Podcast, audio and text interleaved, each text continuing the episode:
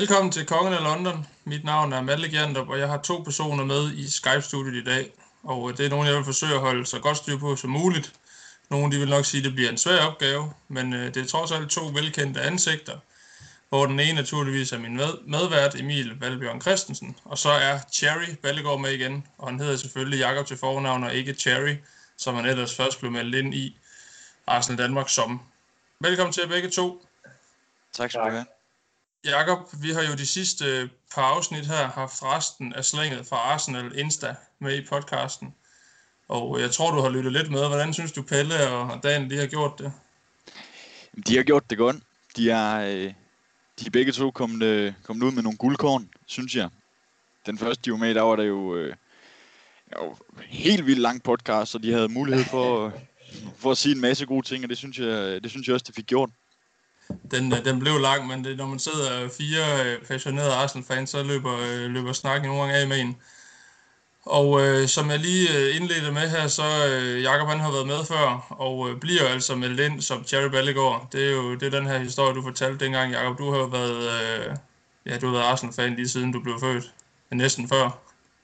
Ja, øh, jeg blev meldt ind i... Øh, nej, den er, den er jo blevet fortalt, men vi kan da godt lige hurtigt gøre den kort øh, bliver meldt ind i Arsenal Danmark. Dagen efter jeg bliver født, på det tidspunkt har mine forældre ikke besluttet sig for, at jeg skal hedde Jakob til fornavn. Så øh, min far han melder mig ind som øh, Thierry Ballegaard. Øh, så i starten, der hed jeg sgu, øh, der hed jeg det samme som Henri. Jeg synes, skulle, jeg synes, de skulle holde fast i det. Ej, det havde været en god historie. Det havde været legendarisk. Men øh, lad os komme i gang, boys det her det er i hvert fald afsnit, jeg har glædet mig utrolig meget til at lave med jer, specielt efter den kamp, vi så i går. Og vi optager nemlig her tirsdag aften.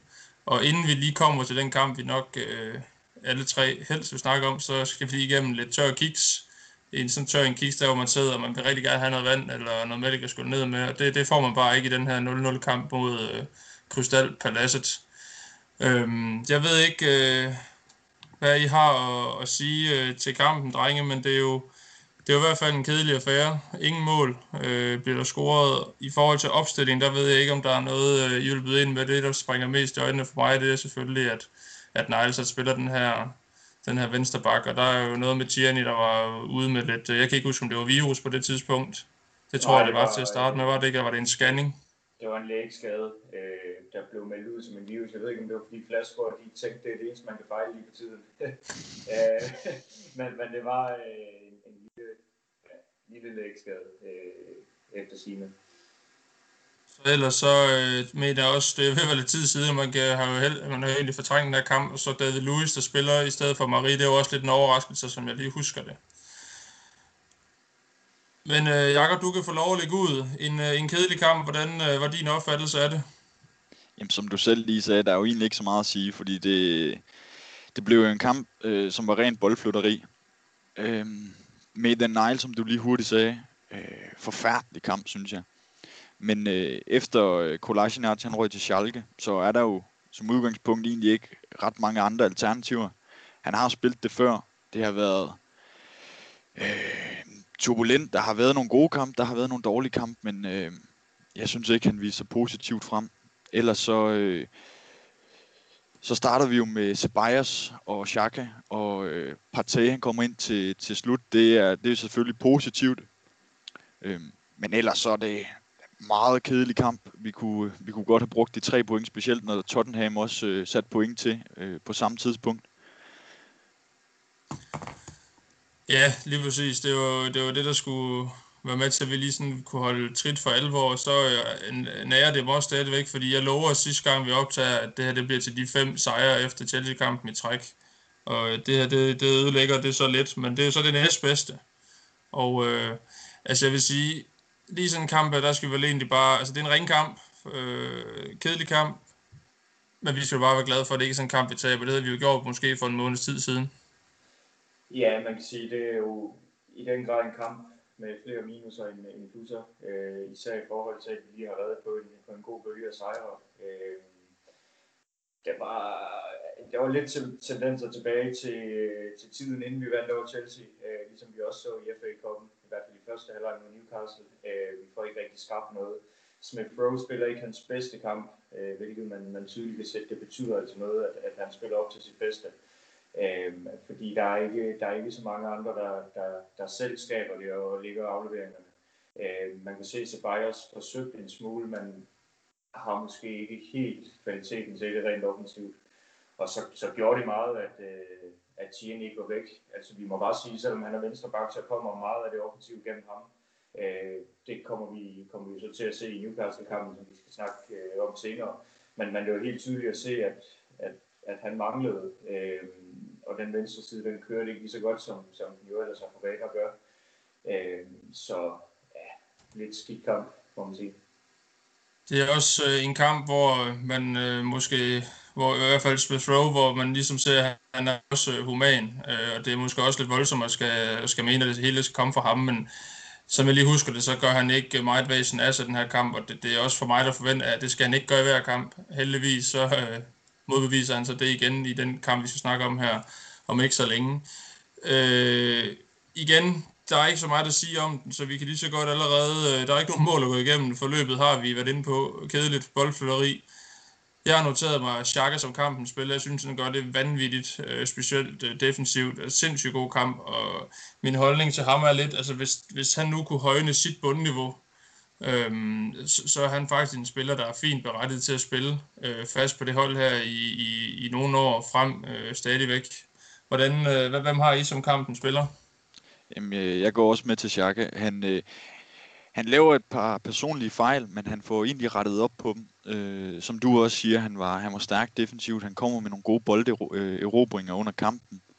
Og øh, som du også nævnte, det der med højere bundniveau, det har vi jo set de seneste par kampe, at han faktisk øh, har spillet udmærket. Og jeg har øh, som en af de få egentlig altid været øh, fan af ham.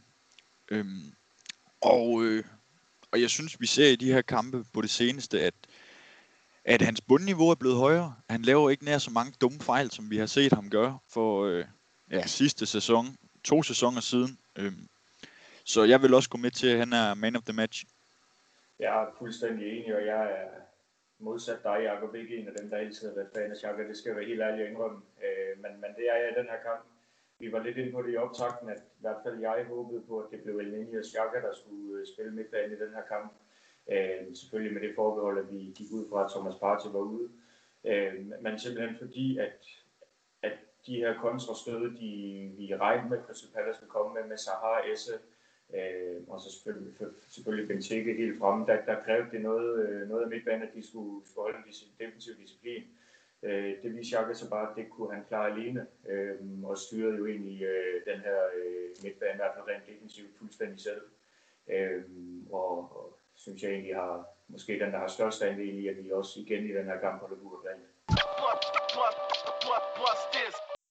Vi hopper øh, straks videre til den her kamp, som vi spiller i går, og øh, hold nu fast. Altså, det er jo det er jo sat med sådan en, der kan gøre en blød i knæene, og, og minder jo virkelig om, om det her Arsenal-bold, som øh, vi alle sammen godt kan lide at se. Sindssygt højt uh, tempo, vi spiller i i kampen, og så er det jo bare fremragende at se Thomas Party tilbage igen. Øh, hvor er han bare garant for sindssygt vigtige øh, bolderobringer, sindssygt god i det defensive spil, og så er han bare øh, klasse på bolden og lægger nogle vanvittige afleveringer frem i banen. Uh, så det er vel en markant sjovere opstilling, end den vi, den vi lige har talt om. Bestemt, bestemt. Øh, Thomas Partey, han, øh, han gør den i hvert fald, øh, han gør i hvert fald holdopstillingen sjovere at se på. Og så var jeg, øh, jeg var overrasket, overrasket over at se øh, Cedric Suarez øh, ind. Men han viser sig jo som en, øh, nærmest som en opgradering i forhold til, hvad Beardin han har, han har spillet, selvom han har øh, gjort det udmærket han spillede helt fantastisk, var den der løb tredje, øh, tredje flest kilometer i kampen. Og øh, jamen, øh, vi har Tierney tilbage.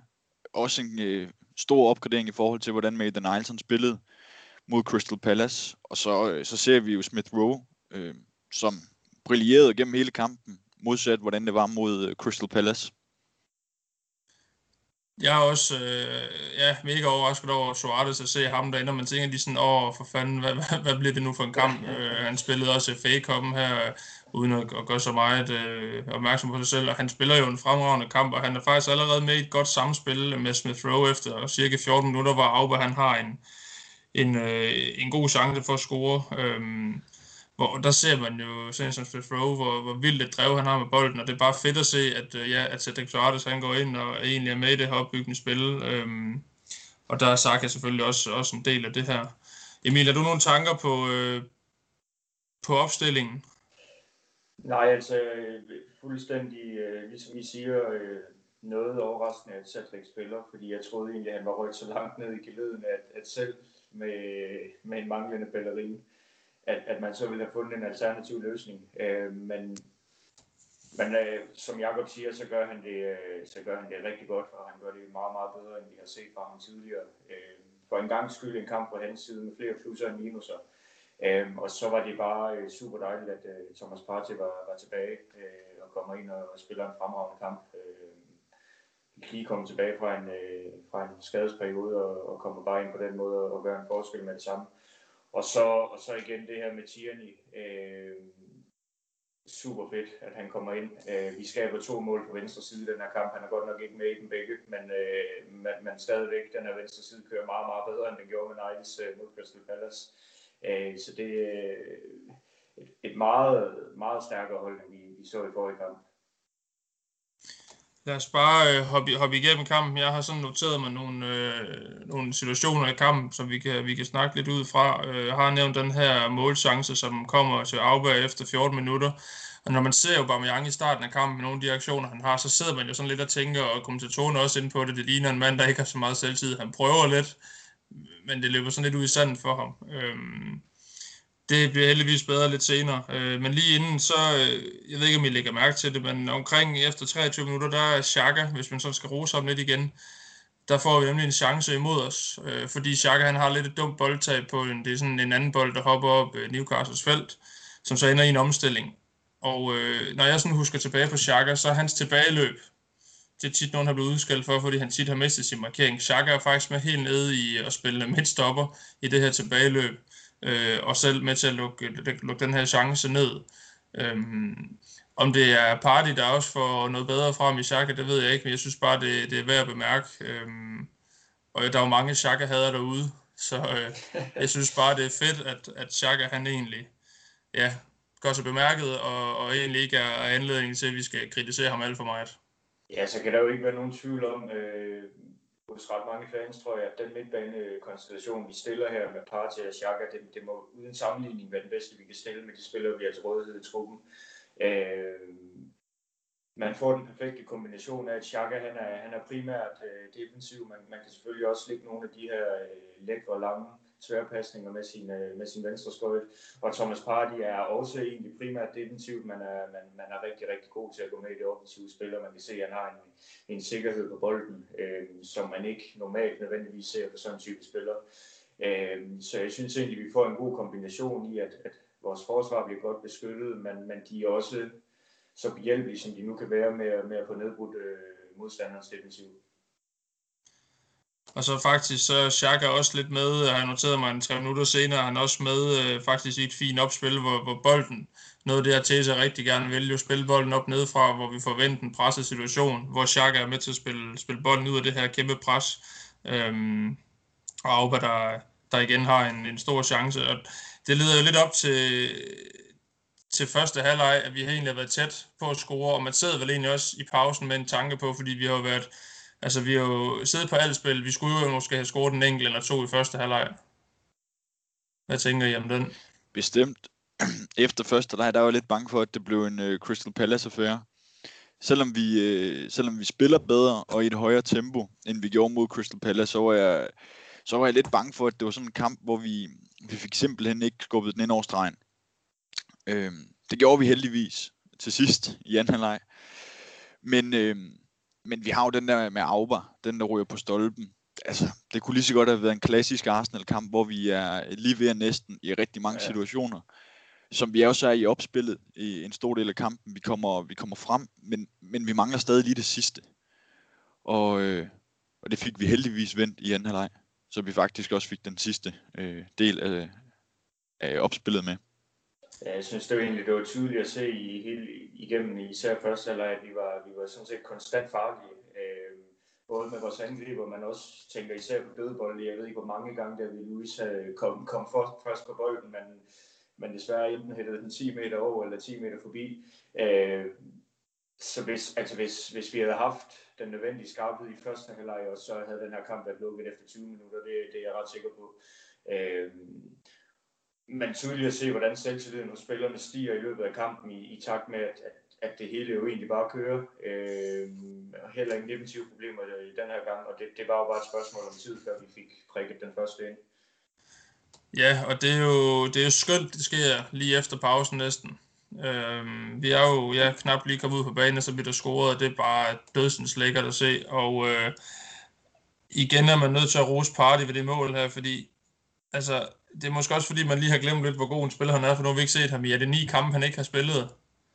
Øhm, han er så vanvittig på bolden, synes jeg, fordi det er jo, det er jo igen en, det er en situation, hvor, øh, hvor Newcastle de presser lidt på, og så Party, han, øh, han spiller sig bare ud af det her pres, eller dribler sig ud af det, og så øh, ja, kæmpe kontra til Aubameyang, som så sikkert sætter den ind, og øh, hvor er det vigtigt at få ham i gang. Hvad, øh, har I noget at sige omkring det mål her, eller er det bare, altså Aubameyang, er han tilbage?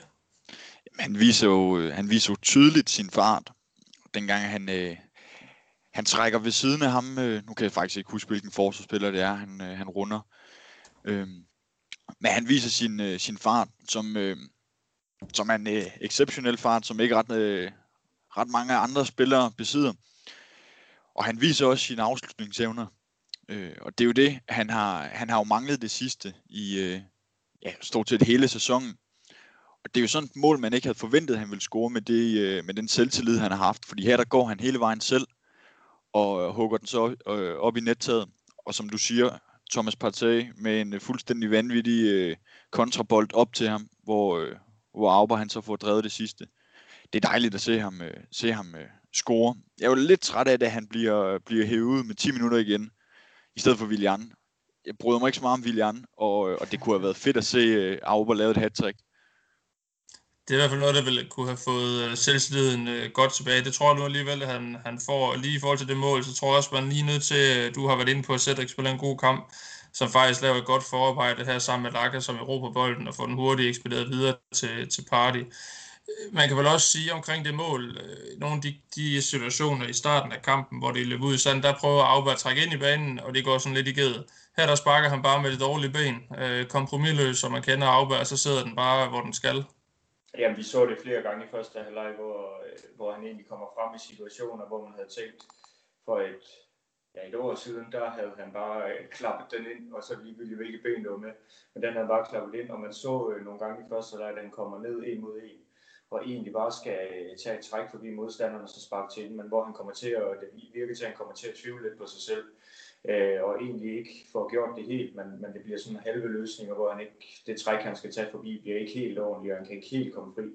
Øhm, og hvor han egentlig øh, ender med bare at vende om og spille den tilbage til en, øh, til en medspiller i stedet for. Men på det her mål, der ser vi absolut ingen betænkningstid, og det er jo, øh, jamen, det er jo vaskægte og bare mål. Dejligt at se. Det er luner, og øh, vi ser jo faktisk kampen ikke sammen den her gang, Emil, det plejer vi jo. Der bliver godt nok råbt op fra, fra tredje sal. Jeg ved ikke, om vi kunne høre det nede øh, i nummer 4. Men det, det kunne nej, nok ikke. Nej, ikke helt, ikke helt. men, øh, men jeg ved ikke, om det var fordi, jeg selv råbte lige så meget. Men, men Højst sandsynligt. Og, og det var jo, altså, hvis man skulle vælge en spiller, der skulle score i den her kamp, så er det selvfølgelig Aubameyang. Øh, fordi at det er klart, hvis, hvis han kan komme i gang og, og score, øh, være garant for det målgennemsnit, som han plejer at være garant for, så, så ser det hele jo meget, meget lysere ud. Jeg kan ikke, øh, og det irriterer mig lidt i anden halvleg, jeg kan ikke huske, om jeg når at få sagt det her til dig inden, øh, altså nogle dage op til. Jeg har sådan, øh, går faktisk med sådan en lille hånd i maven, der siger, at Aubameyang han netter to gange i den kamp her. Og det var faktisk noget, jeg ville have oddset på. Og det er faktisk i tvivl, at få sagt til dig, og hvis jeg ikke har, så vil du selvfølgelig bare sige, at det siger du jo bare, fordi han gør det. Men jeg sad faktisk med en fornemmelse af, at det kan ikke passe, at han bliver ved med ikke at score. Nej, altså, du har ikke sagt det til mig. Øh, så, giv, nu, så giv kan, mig den nu. Der, der kan lytterne jo så vælge at tro, det de, de nu vil tro. men, men stærkt, altså det, det er bare lækkert, at det, det lige er ham. Sagt havde jeg ikke forudset. Nå, kom bare, Jacob. Altså, det kan jo ikke passe, at han ikke kan score. Det er jo Nej, virkelig rigtigt, hvad du siger. Altså det, jeg regner bare med, at han, han overrasker os alle sammen nu. Man kan sige, at Øsel havde den her sæson, og ham kommer vi til at snakke om senere. Øsel har en sæson der, hvor han kun laver et til sidst i anden halvdel, hvor han var rigtig, rigtig god i første halvdel. Skal vi ikke bare sige, at Aubameyang har været øh, ringe i første halvdel, altså nu netter han nok bare 15 gange herfra. Og det, det vil være en, øh, en fin ting.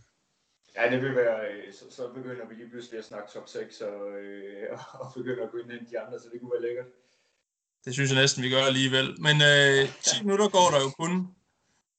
Så har vi jo det her øh, akademimål igen, og det minder jo om, det er vel målet mod West Brom, hvor det også er de to involverede her, Saka og Smith Rowe. Ja. Altså, som jeg sagde, Smith Rowe sidste kamp mod Palace, der gør han ikke meget væsen af sig.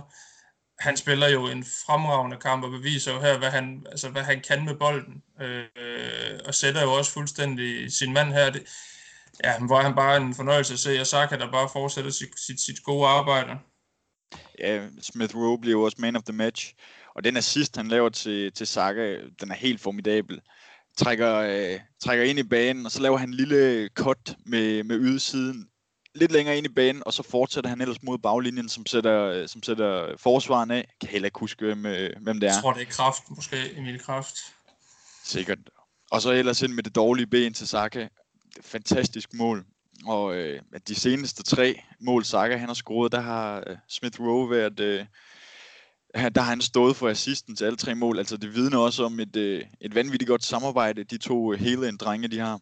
Ja, totalt, øh, synes jeg egentlig, når man så det totalt overlevet mål. Øh, en, en, nem, en nem aflevering fra Bamian til Smith Rowe, som, som jamen, han ser fuldstændig ubesværet ud i sin dribling forbi uh, Newcastle forsvarsspilleren, og så den her bold, der simpelthen ligger så perfekt ind til Saka, at han, jamen, han skal bare løbe ind i bolden, og så, så går den ind. Uh, et fantastisk samarbejde, de har fundet de to, og det vidner om, at, at, at vores akademi har, har gang i nogle, nogle rigtig spændende ting.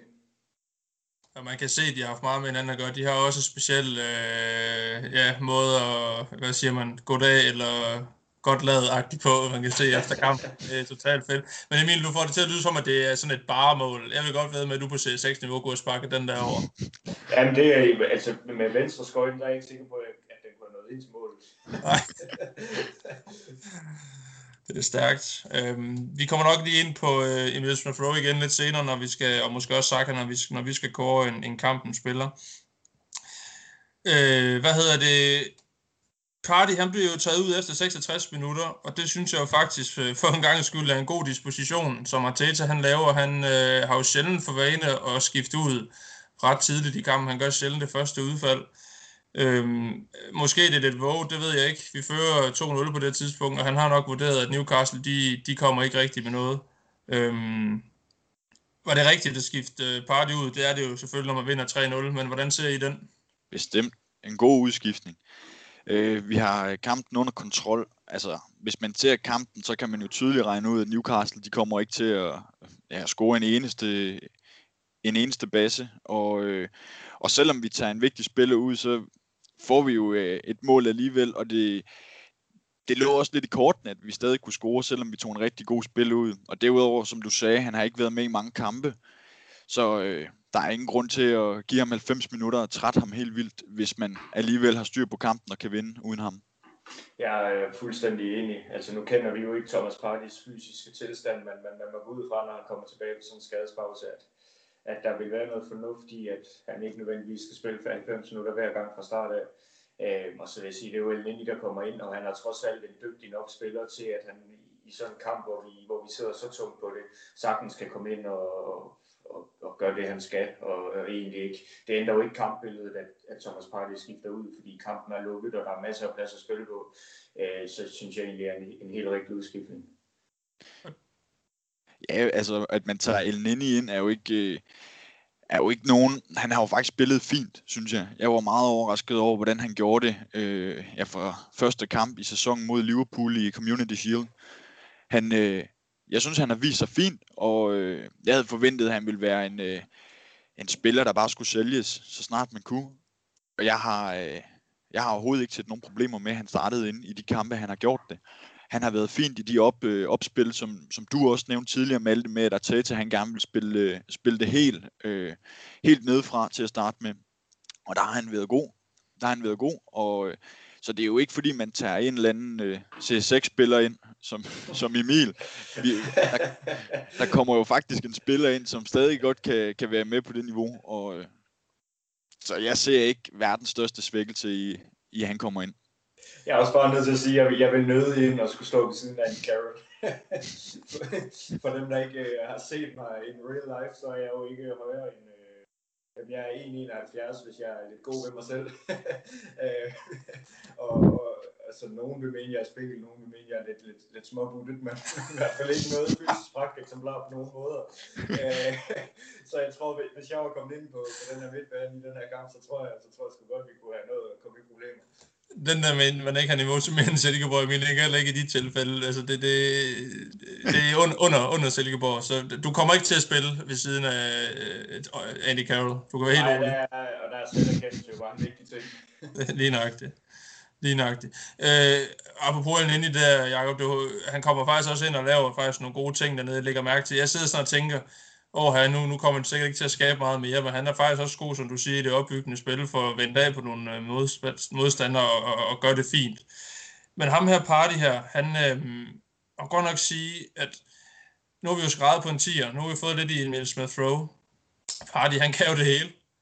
Han kan både være 6, han kan være 8, han kan også være 10'er. Han ved det bare, når han skal, og det synes jeg egentlig, han disponerer rigtig godt omkring.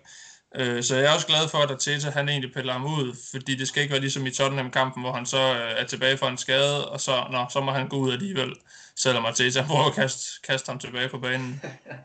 Nej. Øh, nej, vi har jo egentlig også skrevet på en, øh, ligesom du siger, vi skriver på en tier, øh, men det har vi jo kun gjort de seneste par sæsoner, på grund af Øsil er faldet i niveau. Som jeg husker det, så har vi jo egentlig skrevet på en sekser i meget lang tid, fordi Xhaka han har ikke vist sig som en, en top sekser. Selvom jeg sagde, at jeg var fan af ham, så er jeg jo ikke stor nok fan til, at jeg kan sige, at han er en, han er en top sekser. Øh, den eneste, jeg lige kan komme i tanke om, som vi har haft af, af gode sekser, som har virkelig vist godt niveau, det var Kok Lang, dengang han kommer tilbage i en, øh, i en halv sæson, hvor han virkelig spillede godt, men det var så også kun en halv sæson, hvor han viste øh, uh, niveau. Ellers så har vi haft uh, Santi Cazorla, men han er jo ikke en decideret sekser på samme måde som Thomas Partey er. Så at vi får sådan en, der, kan, der virkelig kan støtte forsvaret, det hjælper altså også til, at vi nu også har holdt uh, fem clean sheets i streg, som er første gang siden, uh, jeg tror det er 06-07 sæsonen, vi har gjort det. Det, uh, det vil jeg sige, det er jeg glad for. Ja, så jeg synes lige i forhold til Coquelin, så er jeg jo egentlig tit draget en parallel til Smith Rowe, selvom de på ingen måde er samme type spiller, eller spiller samme position. Men det her med, at man får en spiller ind, altså en type spiller ind, som man mangler i holdet, altså gør det ikke helt så meget, at, at de måske ikke er verdensklasse spillere, fordi de, de udfylder et behov, der er brug for. Øh, med Party, der får man jo bare en spiller ind, jamen, dels en type, vi i den grad har manglet, og så er han også bare en verdensklasse spiller.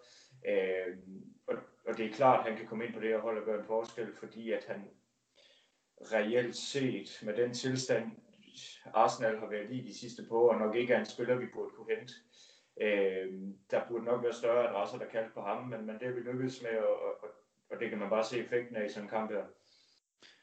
Ja, altså Atletico er jo langt bedre kørende end Arsenal, så hvis man skal kigge helt objektivt på det, så øh, kan man da godt argumentere for, at det er lidt et, øh, et skridt, et eller to skridt ned ad trappen for Thomas Partey. Øhm, og du har ret i det der med Smith Rowe. Jeg kan godt følge dig i Coquelin og Smith Rowe. De kommer sådan lidt ud af det blå. Øh, vi har altid vidst, at Smith Rowe han har haft et, øh, et, et, et stort potentiale, men vi har jo ikke regnet med, at han vil gå ind og dominere øh, ind på den offensive midtbane, som han har gjort her på det seneste. Og de kommer jo som sagt fuldstændig ud af det blå og redder os i forhold til, at vi har været, øh, vi har været langt nede rent formmæssigt. På samme måde som Coquelin han gjorde.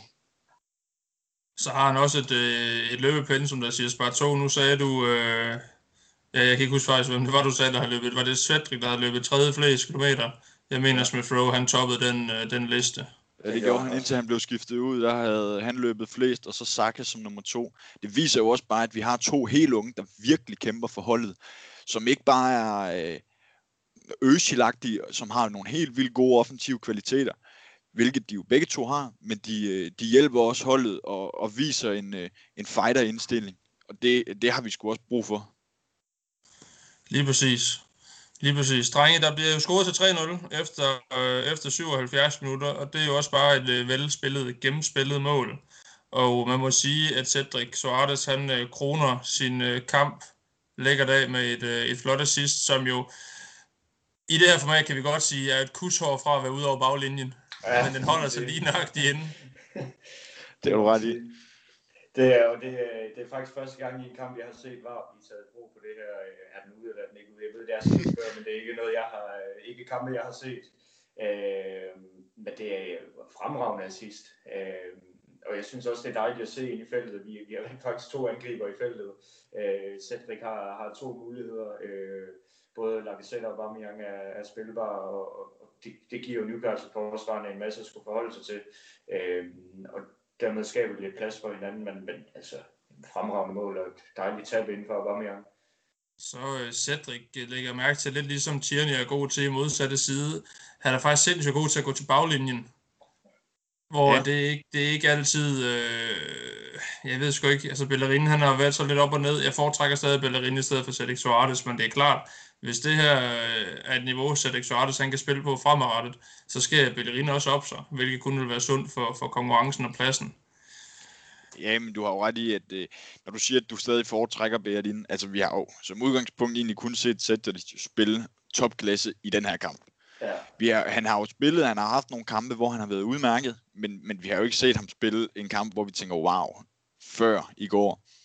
Øh, det her, den her assist, han laver, det er fantastisk. Også øh, godt samarbejde med Saka, som sender ham til, til baglinjen. Og så gør han det jo bare færdigt. Sætter det til Aubameyang, så gør det helt færdigt ved at sparke den ind over stregen. Men dejligt, dejligt at se en, øh, en højre bak, som kommer helt frem. Hvilket jeg så også synes, Beardin han har været god til. Lige præcis. Og så er der en anden spiller, som øh, jeg er nok nødt til at kapitulere efterhånden. Vi skal lige omkring ham. Øhm, jeg har noteret mig, at jeg er nok nødt til at give manden noget kredit efterhånden. Rob Holding. Ja. Øhm, han har været god længe, sådan set. Og det, nu er jeg overbevist. Nu øh, har, har, har, øh, har defensiven holdt 0, som I siger, i var det fem kampe i træk nu. Øhm, ja. Og altså igen sidder man og kan ikke komme på en eneste hovedstødsduel, manden han, øh, han, øh, han ikke vinder. Øh, og, og det, øh, ja, det er, sgu, det er sgu lækkert at se, og han, altså, han har jo bare været solid over en, en lang række kampe nu. Øh, så når Gabriel han er tilbage i midterforsvaret, så er det vel bare de to fortsat, der skal, der skal ligge der sammen, er det ikke det? Jo, altså jeg havde faktisk håbet på, at vi ville komme lidt ind på holding øh, her i, i snakken om den her kamp, fordi jeg synes vidderligt, at han spiller en fuldstændig fantastisk kamp. Øh, det er tydeligt at se med den her øh, opstilling, Newcastle stiller med, med både Andy Carroll og Callum Wilson op, øh, op på top, at, at de håber på, at Carroll kan vinde nogle hovedstadsdueller, og Wilson så kan løbe øh, på dem. Øh, men altså, han, han går ind og vinder de her dueller mod Andy Carroll. Det, det er jo fuldstændig, øh, det, det burde ikke være muligt. Øh, han er et hoved, hoved lavere, end, end Carroll er. Øh, og så synes jeg bare, at vi har set Holding nu øh, i makkerskab, jamen nu både med David Luiz, øh, med Gabriel, og med, med Pablo Mari, og det hele har jo sådan set kørt, som det skal, og, og det, det tyder altså bare på en, på en vis sikkerhed og, og, og på en, en, en klasse, som Holding har, som måske ikke, man måske ikke sådan lige umiddelbart tænker, at han burde have. Øh, men, men som det ser ud lige nu, så, så er han næsten den, jeg vil vælge først til midterforsvaret, selvom alle spillere er fit. Specielt en fin pointe omkring, at han nu har spillet øh, sådan, det, man har jo skiftet lidt ud øh, i den venstre midtstop position, så man skifter underbukser her de, de seneste kamp, men han lader sig jo ikke, øh, ja, han bliver ikke ramt af et holding, han gør jo bare sit, og det er jo egentlig, når man tænker på, hvem der nogle gange har spillet den der højre midtstopper, hvor det så har været øh, lidt Mustafi og, og Sokratis, der, der, har det sådan, der har det været lidt for vævende i forhold til, så har man måske ikke helt kendt aftalerne. Der virker Holding sgu som, at Altså, du kan give mig hvem som helst. Du kan sætte El Neni derned, du kan sætte Xhaka derned. Det skal vi nok løse. Altså, det er ja. fedt at se. Altså, i starten af sæsonen, der tænkte vi jo, at uh, Gabriel, han ville være en redningsmand i forhold til, at vi vil få... Uh, der vil ikke komme nogen mål ind, og han vil være stensikker som midterforsvar. Efter han har været ude, øhm, først med det røde kort og senere med noget corona, så har, så har Rob Holding i den grad også steppet op. Og det, jeg synes også, det er værd at blive mærke i, at øh, normalt, når man hører om en, en fantastisk midterforsvarsduo, så er det jo typisk de samme, der spiller konstant. Her i de seneste fem kampe, der har vi jo haft tre kombinationer. Vi har jo både haft David Luiz og Marie, så har vi haft Holding og Marie, og så har vi haft Holding og David Lewis. Og øh, alle de, øh, eller alle de tre versioner, øh, de, har været, de har virket helt perfekt, og de har alle sammen holdt nullet. Det synes jeg, det er værd at blive mærke i. Ja, så vil jeg også sige, altså Gabriel, han er, han er ham, vi forventer skal, skal spille den venstre midtstopper på sigt i hvert fald. Men, men jeg vil bare sige, at han skal nok ikke, han skal nok ikke regne med bare at kunne vade ind i startopstillingen igen, fordi både Pablo Marie, øh, mest ham i virkeligheden, synes jeg har gjort det rigtig godt på den her venstre stopperposition. Men vi har altså også set David Luiz i de sidste øh, to kampe, han har spillet, været øh, jamen, en helt anden David Luiz, end, end, end vi egentlig har for vane at se. Øh, så så længe det kører på den her måde, så skal han da, så skal han da kæmpe sig til pladsen igen, det er jeg sikker på. Nu skal man jo som lytter ikke falde ned af stolen, men prøv, prøv bare lige at lytte til det. Altså, vi har et luksusproblem i midterforsvaret. Altså, hvad fanden sker der? Vi har haft den ringeste start på en sæson nogensinde nærmest, og, og så sidder vi her i, i 2021 øh, ovenpå, ja, det er vel seks kampe i træk nu uden nederlag i Premier League. Øh, det vender der omkring Chelsea-kampen, og sidder egentlig og har tre spillere, vi kan putte ind ved siden af holding. Det kan jeg altså ikke huske, hvornår vi sidst har haft. Det kan jeg heller ikke. Og jeg synes også, man glemmer, at vi har en, en ung spiller, Saliba, som ikke har fået muligheden endnu, men har brilleret helt vildt i den franske liga. Og jeg har stadig svært, jeg kan ikke helt forstå det. Jeg kan simpelthen ikke forstå, hvorfor han ikke har fået muligheden. Øh, lad os nu sige, at han ikke har, at Arteta ikke har kunne se på træningsbanen, at han ikke har kunne øh, vise niveau til Premier League. Det er helt fair, og det vil man til dels godt kunne forstå, men jeg kan simpelthen ikke forstå, hvorfor han ikke øh, er med i truppen til nogle Carabao Cup, øh, FA Cup eller til Europa League. Jeg synes så, det er godt, at de får ham lejet ud nu, når han, han bare spiller U23. Men i og med, at vi også har sådan en ung øh, kommende stjerne, håber jeg, at han bliver, som, øh, som er lejet ud nu, og så samtidig med, at vi har øh, tre, fire øh, gode midterforsvar. Det er jo ikke et, øh, det er jo ikke noget, vi har været vant til at sige i mange år, at vi har en god, øh, at vi har en god øh, kombination dernede i midterforsvaret. Det er, altså det skal man lede længe efter. Det, det er jo bare et kæmpe, ja, et kæmpe, en kæmpe bonus efterhånden, og jeg tror også, der var jo lige inden den her Aston Villa-kamp, hvor vi havde det bedste forsvar i ligaen. Det blev så smadret godt og grundigt øh, de efterfølgende kampe.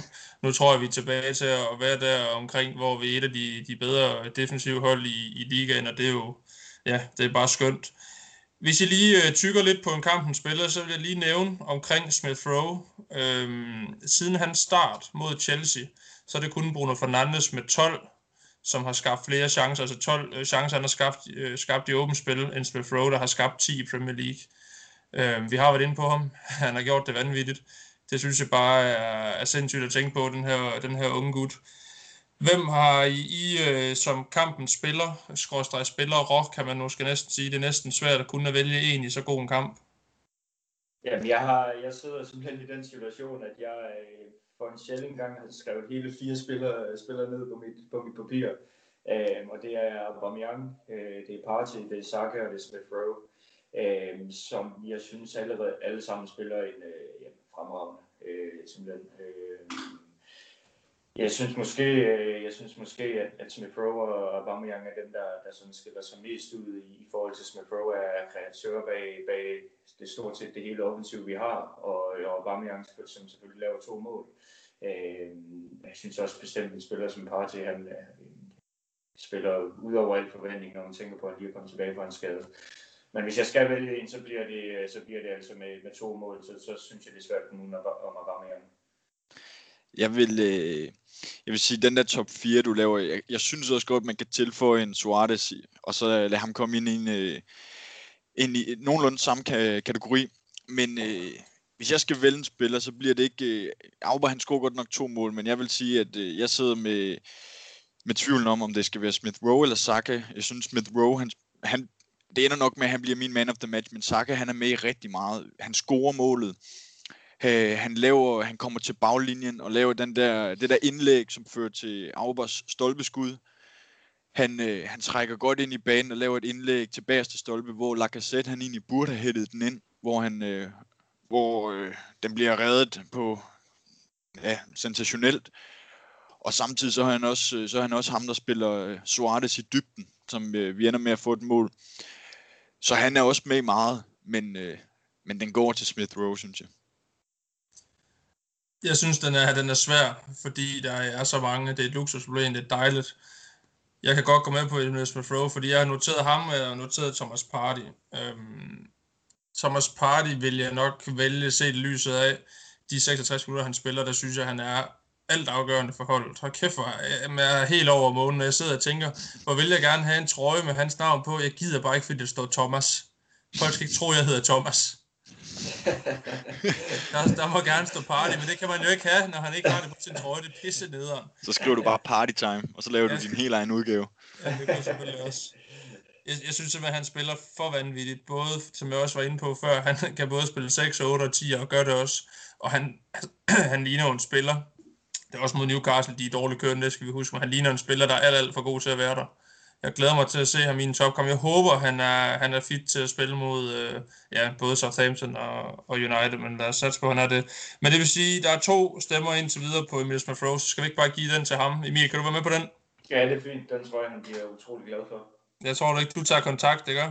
Ja, det skal jeg nok. Det er smukt. Men øh, drenge, hvis øh, vi lige sådan skal runde, runde det her af, så, øh, eller de to kampe her af, så øh, de seneste, øh, nu så jeg bare lige de seks kampe med, der er vi ubesejret. Fem clean sidst i seks kampe. Vi har scoret 13 mål og kun lukket et ind. 13 point ud af 15 mulige. Hvad skal det ikke næsten blive til? Ja, det bliver, det bliver spændende de to næste kampe her at se, øh, se hvor, vi, hvor vi reelt står, fordi de bliver, de bliver noget sværere, så Southampton ude United hjemme. Øh, jeg, jeg vil sige, at jeg går, jeg går noget positivt ind til de to kampe, øh, og, og, og, og tror i hvert fald på, at vi har en chance på at vinde dem begge to. Øh, men, det, men det er klart, at vi, vi kommer noget mere på prøve de to kampe, end vi har været i de, i de seneste øh, 3-4 stykker. Ja, det har du ret i. De næste to kampe er generelt i de næste tre kampe er, øh, er en del svære. Øh, den tredje kamp med Wolves. Øh, nu er det ikke, fordi de er inde i verdens bedste form, men de er alligevel en del bedre end, øh, end Brighton og Newcastle. øhm, og det, det er klart, at, øh, at vi kan jo ikke, øh, de næste to kampe kan vi ikke tage for givet, at vi får tre point. Øh, ligesom vi blandt andet kunne mod Brighton og, og West Bromwich øh, og, så, og Newcastle. Men hvis det fortsætter med den form og, og, og samme spil, som, øh, som vi, vi har haft kørende i de seneste par kampe, så, så burde det da være 6 point. Selvom United godt nok, jeg vil, jeg vil nok gå med til et point i den kamp. Men jeg tager da gerne de 6, eller de 3 point mod, mod det. Det gør man altid, men, men ja, det er jo det, det er godt lidt, hvad, hvad, hvad de kommer med. Øhm, United har jo egentlig været godt kørende, men jeg synes, øh, det her det giver mod på tilværelsen, og det er dejligt. Og øh, det man selvfølgelig kan have sin tvivl om øh, i forhold til, til de øh, modstandere, vi skal møde, det er jo, hvor, hvor godt deres presspil fungerer. Det, jeg synes, der var fedt i, i går, det var, at hver gang øh, Newcastle lagde et højt pres, så vender vi bare af på dem og spiller os ud af det. Og hvis man kan tage det med mod øh, Southampton og United, og de samme spillere spiller, så synes jeg, at det begynder at tegne godt. Også fordi, hvis de lægger mærke til, hvad man sætter ind, øh, nu ved jeg godt, William, det er mere navnet, fordi han, han er egentlig pisser ikke, men vi kan også sætte Martinelli ind. Øh, vi kan sætte Martinelli ind, vi kan sætte Pepe ind. Altså det, det, vi har også lidt at skyde med for bænken, så jeg synes egentlig, at det hele det tegner godt. Lige for at lukke den helt af her, inden vi skal snakke Øsel, som jo øh, er en mand, øh, der er gården, selvom det ikke helt er officielt endnu. Øh, så det er vist kun ham selv, der har gjort det officielt så synes jeg lige, vi skal, vi skal lige snakke en lille smule om Tata, fordi jeg synes jo, øh, man må sige, at han har bevist sit, øh, sit værd som manager, fordi det er jo første gang, han møder så stor modgang, og det er jo det, mange eksperter og medier har været i tvivl om, det er jo, at man har evnerne til at forholde bedre ud på den anden side, når man møder så stor modgang og har været i så stor krise, som vi har været i, i en periode på omkring et par måneder. Øh, og trods øh, den manglende erfaring, så synes jeg faktisk, at han får os rigtig, rigtig godt igennem i tror stadig på øh, projekt Artesia, formoder jeg. Det er bestemt. Øh, jeg vil sige, jeg var, jeg var ikke sådan rigtig begyndt at tvivle på Artesia, men jeg var ved at være der, hvor jeg tænkte, det skal ikke gå ret meget mere galt, før man er nødt til at gøre et eller andet, øh, fordi vi lå jo reelt. Øh, og, altså hvis, hvis vi havde tabt den kamp mod Chelsea, øh, så havde de kampe mod, mod West Bromwich og Brighton jo været, været gyser, fordi at, at havde vi tabt dem også, så havde vi jo reelt nærmest ligget under stregen. Øh, men jeg synes, øh, lige siden den her Chelsea-kamp, hvor, hvor han jo øh, laver en del ændringer på holdet, Smith Rowe kommer ind, og Bamian kommer ud lidt, øh, Martinelli ind, Saka øh, og så videre. Om det så er tvungne udskiftninger, eller om det er en genistreg, det, det, det, kan man jo så, øh, det, det kan man jo så altid øh, diskutere. Øh, men faktum er, at det virker, og han har, han har formået at få noget energi tilbage ved at holde øh, på et tidspunkt, hvor man tænkte, det, det kan næsten ikke lade sig gøre at få dem til at spille, spille godt igen. Det har du ret i. Ja, om du siger, det du siger med, om det er en tilfældighed, eller om det er en genistreg, at man blandt andet øh, smider Smith Rowe ind på banen. Det er svært at sige, men øh, sådan en spiller som ham får det i hvert fald vendt. Øh, og, og ja, det vidner også lidt om, øh, jeg ved ikke, om man kan tillade sig at sige det, men om øh, store nosser, at øh, han kan forvente han kan forvente så dårlig en, øh, en formkurve, som de var i, selvom han er, han er helt ny i forhold til at være øh, manager. Han har jo haft en god lærermester, det, det er der ingen tvivl om. Og, og man skal også huske, at han er helt ny. Altså han er helt ny. Det er svært at komme ind og så øh, overtage en, en størrelse som Arsenal, øh, uden, nogen, uden nogen form for erfaring. Han gjorde det udmærket til at starte med. Øh, så møder han jo så den her kæmpe, øh, ja, hvad kan man sige, den her kæmpe nedgang af formkurve, som han får vendt nu. Og det, ja, det, det viser også, at han har noget, øh, han har lidt mere krudt at skyde med. Øh, om det er så en genistreg, eller om det er en tilfældighed, at sådan en som Smith Rowe, han kan gå ind, og øh, at Aubameyang han kan komme ind og score nogle mål igen. Om det er Aubameyang selv, eller om det er Arteta, som har fået ham i gang. Det kan vi jo ikke vide. Men uanset hvad, så har han i hvert fald fået holdet på rette kurs igen. Jeg tror bare, han har lyttet godt til Ian Wright, som jo øh, skreg på at give de unge chancen på et tidspunkt, hvor de virkelig ikke kørte for ja, hverken Peppe, Laka eller øh, Willian. Øhm, jeg tænker bare ikke, altså det er en mand, der, der også skal lære her der vejen, og øh, det kan være, at han næste gang, der møder, at møder modgang, han måske lidt, lidt tidligere øh, får lidt nosser, som, øh, som du siger, Jacob. Øhm, jeg synes i hvert fald bare, det, det er stærkt, også fordi der var mange skriverier på et tidspunkt omkring, han måske havde tabt omklædningsrummet lidt, var øh, specielt det her omkring Øsel, øh, og nogle spillere, der måske var vendt sig imod ham. Kom bare, Jacob. Øh, det er jo lige før, jeg næsten kan sige, at øh, jeg tror næsten, vores formkode, den har, den har vendt sig, fordi han har givet øh, Willian minimal spilletid. Han har godt nok været banens dårligste spiller, hver gang vi har spillet siden Fulham-kampen. Vil jeg næsten ja. gå så langt at sige. Siden han er kommet ud af startopstillingen og har fået minimal spilletid, så er det jo faktisk gået fint. Så er det gået godt. Ja, man kan sige, at William, der har nogle gange tænkt det lidt som om, at det er at tage William Kvist og rykke ham ud på kanten og forvente, at han skal blive spillere af og så videre, fordi det er vidderligt sådan, han har spillet. Det har været rent boldskubberi øh, og, og mest tilbage i banen. Øh, men noget af det, vi jo efterlyste her i podcasten, med, øh, under den her øh, ja, krisetid, øh, der var i efteråret, øh, det var jo, at, at vi, vi synes ikke altid, at Teta han lærte af sin fejl. Øh, du har tit sagt, Malte, at hvis man, hvis man gør det samme øh, to gange i træk og forventer den udfald, så kaldes det idioti. Og, og det var jo sådan set det, vi var ude i, i, i en lang periode, fordi at det hele sejlede, men man blev ved med at, spille på samme måde og spille med de samme spillere. Øh, men, men det er som om, der gik et lys op for ham. Øh, vi var nødt til at få nogle af, de her øh, jamen, navnemæssigt stjerner ud af holdet lidt, og, og gøre plads til nogle af de unge, som vi jo ved vil, vil kæmpe røven ud af bukserne. Øh, og, og det har bare virket. Øh, og, og nu sidder man jo og tænker, at sådan en som Smith Rowe, han er jo øh, jamen, fast, fast mand fra nu af så kan vi jo ikke komme udenom, om, vi skal, vi skal snakke lidt om, øh, om Mesut Özil, og nu ser jeg lidt, fordi man kan hurtigt komme til at snakke meget om ham. Vi har snakket en del om ham allerede, og jeg tror ikke, jeg behøver at, at, at byde så meget ind i min holdning. Øhm, jeg kan godt øh, lidt alligevel, inden jeg spiller bolden over på din øh, banehalvdel, Jacob. Det er godt, at han er væk, selvom jeg synes, det er træls, han er væk. Det er godt forstået på den måde, vi slipper for at betale hans løn. Og når manden alligevel ikke spiller, stadigvæk meget, meget skuffet over den måde, det er sluttet på, og det er også Øh, jeg har set et statement fra Øsel selv. Øh, man kan ikke helt... Øh, han sætter ikke navn på, men han siger bare, at han er rigtig glad for den tid, han har haft i Arsenal, specielt i starten. Og det giver også rigtig fint under Unai. Øhm, og så slutter det ikke helt, som han ønskede, og specielt ikke, som det startede. Og der, der siger han ikke, om det er Tetas skyld, eller om det er Edu, eller om det er bestyrelsen, hvad det nu er. Det er det, vi ikke kan vide. Men øh, er I glad for, at han er væk? Du får lov at starte, Jacob. Ja, i sidste ende er jeg egentlig nok glad for, at han, øh, han smutter nu. Øh, jeg vil ikke have noget problem med, at han smuttede til sommer gratis. Så, så øh, at han ryger nu, det er, ikke, øh, det er ikke noget problem for mig. Men jeg synes, at når jeg ser mange opslag på Instagram og på Facebook om, omkring, om det er godt, han er smuttet, så alle de siger, ja, han har været forfærdelig, eller stort set alle. Jeg synes ikke, at man tager, øh, man tager i mente, at han har været der i syv og et halvt år. Han, øh, I første sæson, han er der, der vinder vi FA Cup'en. Og vi har haft en helt vildt lang trofætørke, før han kommer til. Jeg nægter at tro på, at det er tilfældigt, at vi vinder FA Cup'en i samme øjeblik, han kommer til.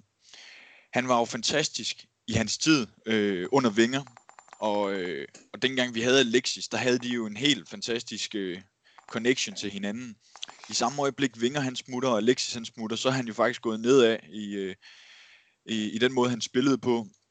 Og, og jeg tror, jeg tror, han har haft en eller anden form for øh, øh stabilitet under Alexis og under, øh, under Vinger. Han spillede jo kontinuerligt godt.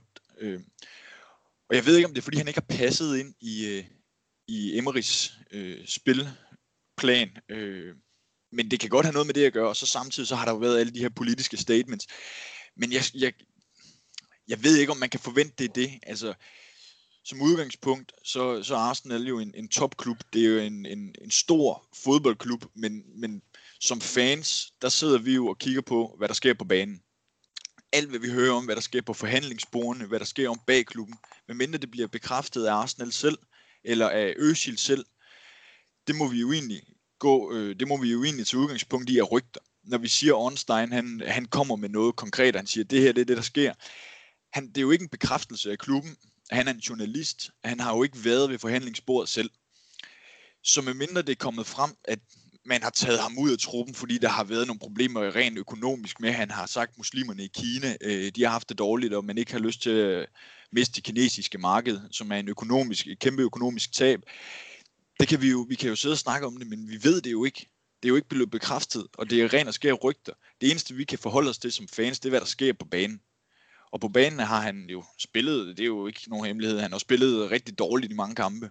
Men han har jo så også haft sine gode kampe, også under Emery. Vi ser den der kamp mod Leicester, hvor det var jo helt sindssygt, så godt han spillede. Og det er jo sådan en, en formkurve, han burde have fortsat. Og dengang vi mister Alexis, øh, der får vi jo øh, Aubameyang i stedet. Og hvad jeg havde forventet, så havde jeg egentlig tænkt, Aubameyang han ville egentlig også passe perfekt til Øsil. Han ville være sådan en spiller, Øsel han kunne sende i dybden, og så kunne man udnytte hans fart. Det han så viser ikke at være. Men Özil har jo altid været en type, som skulle have en, øh, en, en, en god spiller, han skulle samarbejde med. Da han var i, øh, i Real Madrid, der havde han Ronaldo, som han kunne sætte op, hvilket var en fantastisk, øh, fantastisk samarbejde. Han havde et fantastisk samarbejde med Alexis Sanchez, øh, og i samme øjeblik han smutter, så har han ikke fundet det siden. Og jeg kan da godt, jeg kan da godt se, at man kan ikke, nu når vi siger, at Aubameyang han ikke, øh, det fungerede ikke. Hvem, hvem skulle han ellers øh, skabe det der bånd med? Altså, man kan jo ikke skabe et lige så stort bånd med øh, Iwobi, som var der til at starte med. Øh, man kan jo ikke skabe et lige så stort bånd øh, med Lacazette er jo heller ikke den type. Så, så som udgangspunkt, så synes jeg egentlig, det er klart, at han er faldet øh, rent spilmæssigt. Han har ikke haft den samme spiller at kunne, at kunne linke op med og når folk de så øh, kommer med rygter om, at det, så har han også haft noget med Erdogan, og, og det har gjort, at klubben de ikke har lyst til at, at spille med ham, fordi det er nogle politiske statements, klubben er imod. Det er jo rent skære rygter, vi ved det ikke, og man må også tage udgangspunkt, men omvendt så må man også til udgangspunkt i, at der sidder nogle helt vildt dygtige forretningsmænd bag klubben, øh, og de ser jo ikke øh, Arsenal som en, en fodboldklub, de ser det som forretning og en business. Og der kan jo også godt have været indflydelse på det, vi ved bare ingenting. Det er rygter. Jamen, jeg, jeg er stort set enig i alt, hvad du siger, Jacob. Øhm, som, som situationen er, og i første omgang, er, det, er det jo, kan der nok ikke være nogen tvivl om, at, at det er godt, han er væk nu, for det er et, et kapitel, som er nødt til at blive afsluttet, som det hele ser ud nu. Øhm, dels er der et lønbudget, der godt kunne trænge til ikke at skulle, øh, skulle give 350.000 pund til en, en mand om ugen, der ikke spiller.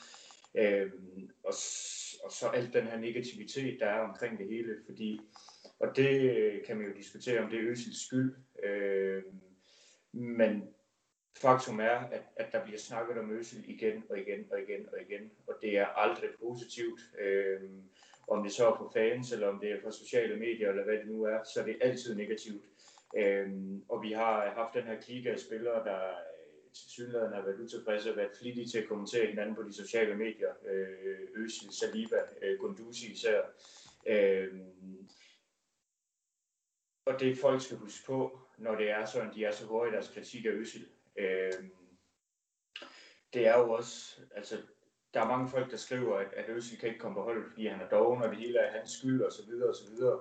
Der er det bare vigtigt at huske på, at vi har aldrig på noget tidspunkt øh, fået en reel forklaring på, hvorfor det er, han ikke er på holdet. Øh, vi ved ikke noget som helst om, om det er fordi, han er doven, eller om det er fordi, at man ikke mener, at han er god nok, eller om det er fordi, at der er nogle politiske bemærkninger, der ikke er acceptable, øh, åbenbart. Øh, men det er egentlig det, jeg, jeg glæder mig mest til, det er at få en reel forklaring på, hvad fanden det er, der lige er sket i den her situation. Øh, for det må vi jo gå ud fra, at det, det kan vi få, når Øsil er skiftet, fordi så har han ikke nogen... Øh, så har han ikke længere på i forhold til, hvordan han skal udtale sig omkring Arsenal. Øh, så man kan sige, når den forklaring kommer, så bliver det lidt nemmere at konkludere på, hvordan og hvorledes øh, det hele der forløbet sig. Men, men jeg synes, man skal passe på med at være alt for høj kritikken af ham. Øh, netop fordi, at altså, alt hvad vi siger omkring ham, det er rent gætteri. Det man skal huske med ham også, øh, han har spillet mange kampe, som har givet anledning til, til stor kritik man skal bare stadig huske, når han har spillet en dårlig kamp, så kan han stadigvæk have lavet den afgørende aflevering, der har skabt et mål øh, til 2-1, som vi har, hvor vi har vundet kampen. Og, og alligevel er han tit blevet bedømt, synes jeg, på måske ikke helt øh, fair basis ud fra hans øh, humør. Øh, og der er altså nogle spillere, der ikke ser glade ud, når de løber rundt på en, en fodboldbane. Aubameyang har været en af dem, som mange har menet. Han ligner ikke en, der gider at have minder om Øsel. Altså, det, det gider jeg faktisk ikke høre på, fordi jeg ved, øh, det ved jeg ikke, men jeg er sikker på, at Aubameyang, han, der er ikke noget, han heller vil end at score mål. Han vælger ikke øh, og ikke at score, og jeg tror ikke, han synes, øh, at, det, at det ikke er sjovt at være på fodboldbanen. Jeg tror bare ikke, han synes, det er sjovt, når han ikke scorer, men det er ikke, fordi han ikke vil.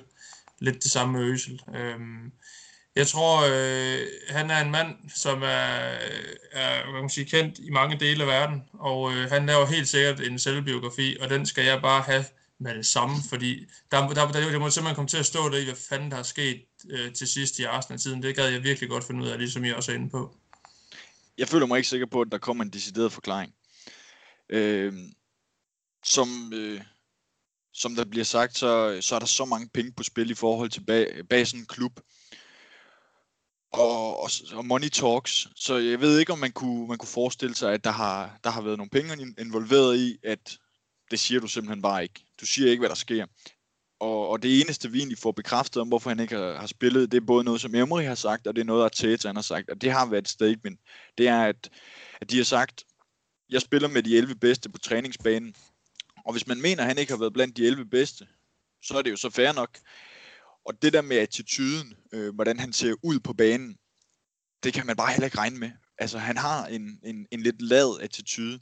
Det har Pepe jo også. Øh, og det gør dem udskilt, hvilket jeg ikke synes er fair, fordi det er egentlig bare deres, øh, det er egentlig bare deres kropsholdning. Det behøver ikke at være deres, øh, deres mentale tilstand, at de er lavet, men det er bare sådan, de ser ud. Altså, man kan jo også, nogle gange så kan Messi jo egentlig også godt se helt vildt lavet ud, og han går bare rundt, men det betyder jo ikke, at han spiller dårligt. Det er, det, jeg synes ikke, man skal tage det med, og, og det synes jeg også, han er blevet kritiseret på, og det er heller ikke fair. Det er simpelthen ikke fair.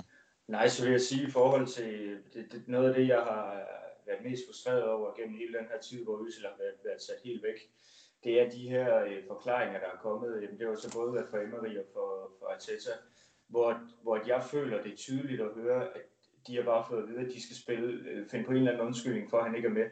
Fordi den her med, at han ikke er blandt... Det kan godt være, at han ikke altid har været blandt de 11 bedste, men, men at han ikke er god nok til at være i truppen, det tror jeg simpelthen ikke på på noget tidspunkt har været tilfældet. Øh, når man kigger på, hvad vi ellers har haft til at sidde på bænken nogle gange, så kan det simpelthen ikke passe, at han ikke har, har kunne være med der. Øh, så, så altså, jeg håber vidderligt, at vi får en forklaring på det hele, men, men, men ja, det er jo ikke... Du er enig. Enig. Altså, når man kigger på, hvilke spillere, der har været på bænken, og når Arteta og Emery har sagt, vi, altså, jeg udtager kun de bedste. Altså, nu har han spillet med Willian, i det her halvår. Nu ved jeg godt, at han blev sorteret fra, inden Willian han begyndte at spille dårligt. Men, men altså, han kan jo umuligt være en af, de, en af de 11 bedste, når han har startet ind. Så jeg, jeg er enig med, at, at den skal man heller ikke, øh, den skal man heller ikke købe, men, men det, er det, der, det er den eneste bekræftelse, som jeg i hvert fald lige kan komme i tanke om, omkring hvorfor han ikke spiller. Men så var der jo også den der rygskade, som, øh, som blev nævnt i starten af Emery, som om, eller som var en undskyldning. Igen, når klubben, eller klubben udtaler det, så kan man jo ikke, øh, man må jo kun forholde sig til det, og ikke komme med rygter. Øh, så var der jo nogen, det kom jo frem, at han, øh, han var meget aktiv på Fortnite under den periode, og, og mange de sagde, at det er fordi han spiller for meget Fortnite og har en dårlig, øh, har en dårlig holdning øh, og bukker sig i ryggen. Altså det er jo også noget latterligt noget, at, at sådan noget det skal komme frem som en kritik. Jeg synes ikke, han er blevet færre behandlet på det seneste. Og, og så, som jeg også sagde tidligere, han har været der i syv et halvt år. Man skal ikke bedømme ham for to år. Lad os nu sige, at hans, hans to dårlige år, det var i midten af de syv et halvt år, og han så har spillet, som han har gjort tidligere til sidst. Altså man bare har byttet rundt på de forskellige år. Så havde man jo siddet og sagt, ej det er en skam, han smutter. Det er sgu en skam. Men sådan, øh, sådan er det ikke. Sådan er det ikke, og det synes jeg ikke, det er fair. Dem, øh, de argumenter køber jeg fint, og det er bare lige vil skyde ind til sidst, det er det, man skal huske i forhold til, at han så blev en side fra, i hvert fald til sidst. Det, det der undrer mig allermest i sådan en sammenhæng, det er jo ikke bare, at han ikke er en del af starten, men det er, at han ikke var en del af truppen, fordi så kan det næste ikke være noget sportsligt, fordi det forlyder jo, at han har trænet rigtig, rigtig godt også, og har egentlig givet en gas på træningsbanen, selvom man ikke har været en del af, af, af holdkortet, og det er egentlig det, der undrer mig mest, og det er det, der giver anledning mest til at tænke, at det måske er noget politisk, fordi det kan ikke være sportsligt, altså på papiret, så er han jo bedre end Smith Rowe. Ja, Derfor er det meget, meget mystisk, at han ikke engang har været med der. Øh, og så den sidste sæson, han jo så egentlig spiller, den, den, er, den er fandme også mystisk, fordi der er det her med det her overfald på familien, hvor han misser de første, jeg ved ikke, syv kampe under Unai. Øh, og, og så lige pludselig, så spiller han jo lidt under Arteta der, og så er der den her pause, og så spiller han de næste 10 kampe igen, og så har vi så ikke set ham siden. Altså, det er sgu det, jeg mest ærgerlig over. Som du siger, Jacob, hvis man nu lige kunne flytte lidt rundt på puslespillet, lidt rundt på brækkerne der, så, øh, så havde jeg også hellere flyttet det ind i midten, så det var blevet glemt lidt. Øh, så man kunne egentlig tage afsked med ham på, på ordentlig måde, fordi det er jo egentlig det er jo en karakter, og i, i hvert fald i forhold til vores generation, en af de spillere, tror jeg, man vil huske. Øh, også fordi det er jo tit de her spillere, som også er lidt udskilt, det er jo tit dem, vi husker, fordi de giver anledning til nogle, ja, det deler vandene, og det er jo nogle gange det, der, der også måske er med til at forme legende, det ved jeg ikke. Jeg tror ikke, Øsel han får legendestatus desværre, selvom han måske på sin vis har fortjent det. Han er jo rekordholder i forhold til at vundet fire FA Cups. Det ved jeg ikke, om du egentlig fik du ikke også nævnt det, Jacob? Eller var han bare, var det vel her med, at det var den første sæson, han var med, hvor han vandt? Ja, jeg fik kun nævnt, at det var den første.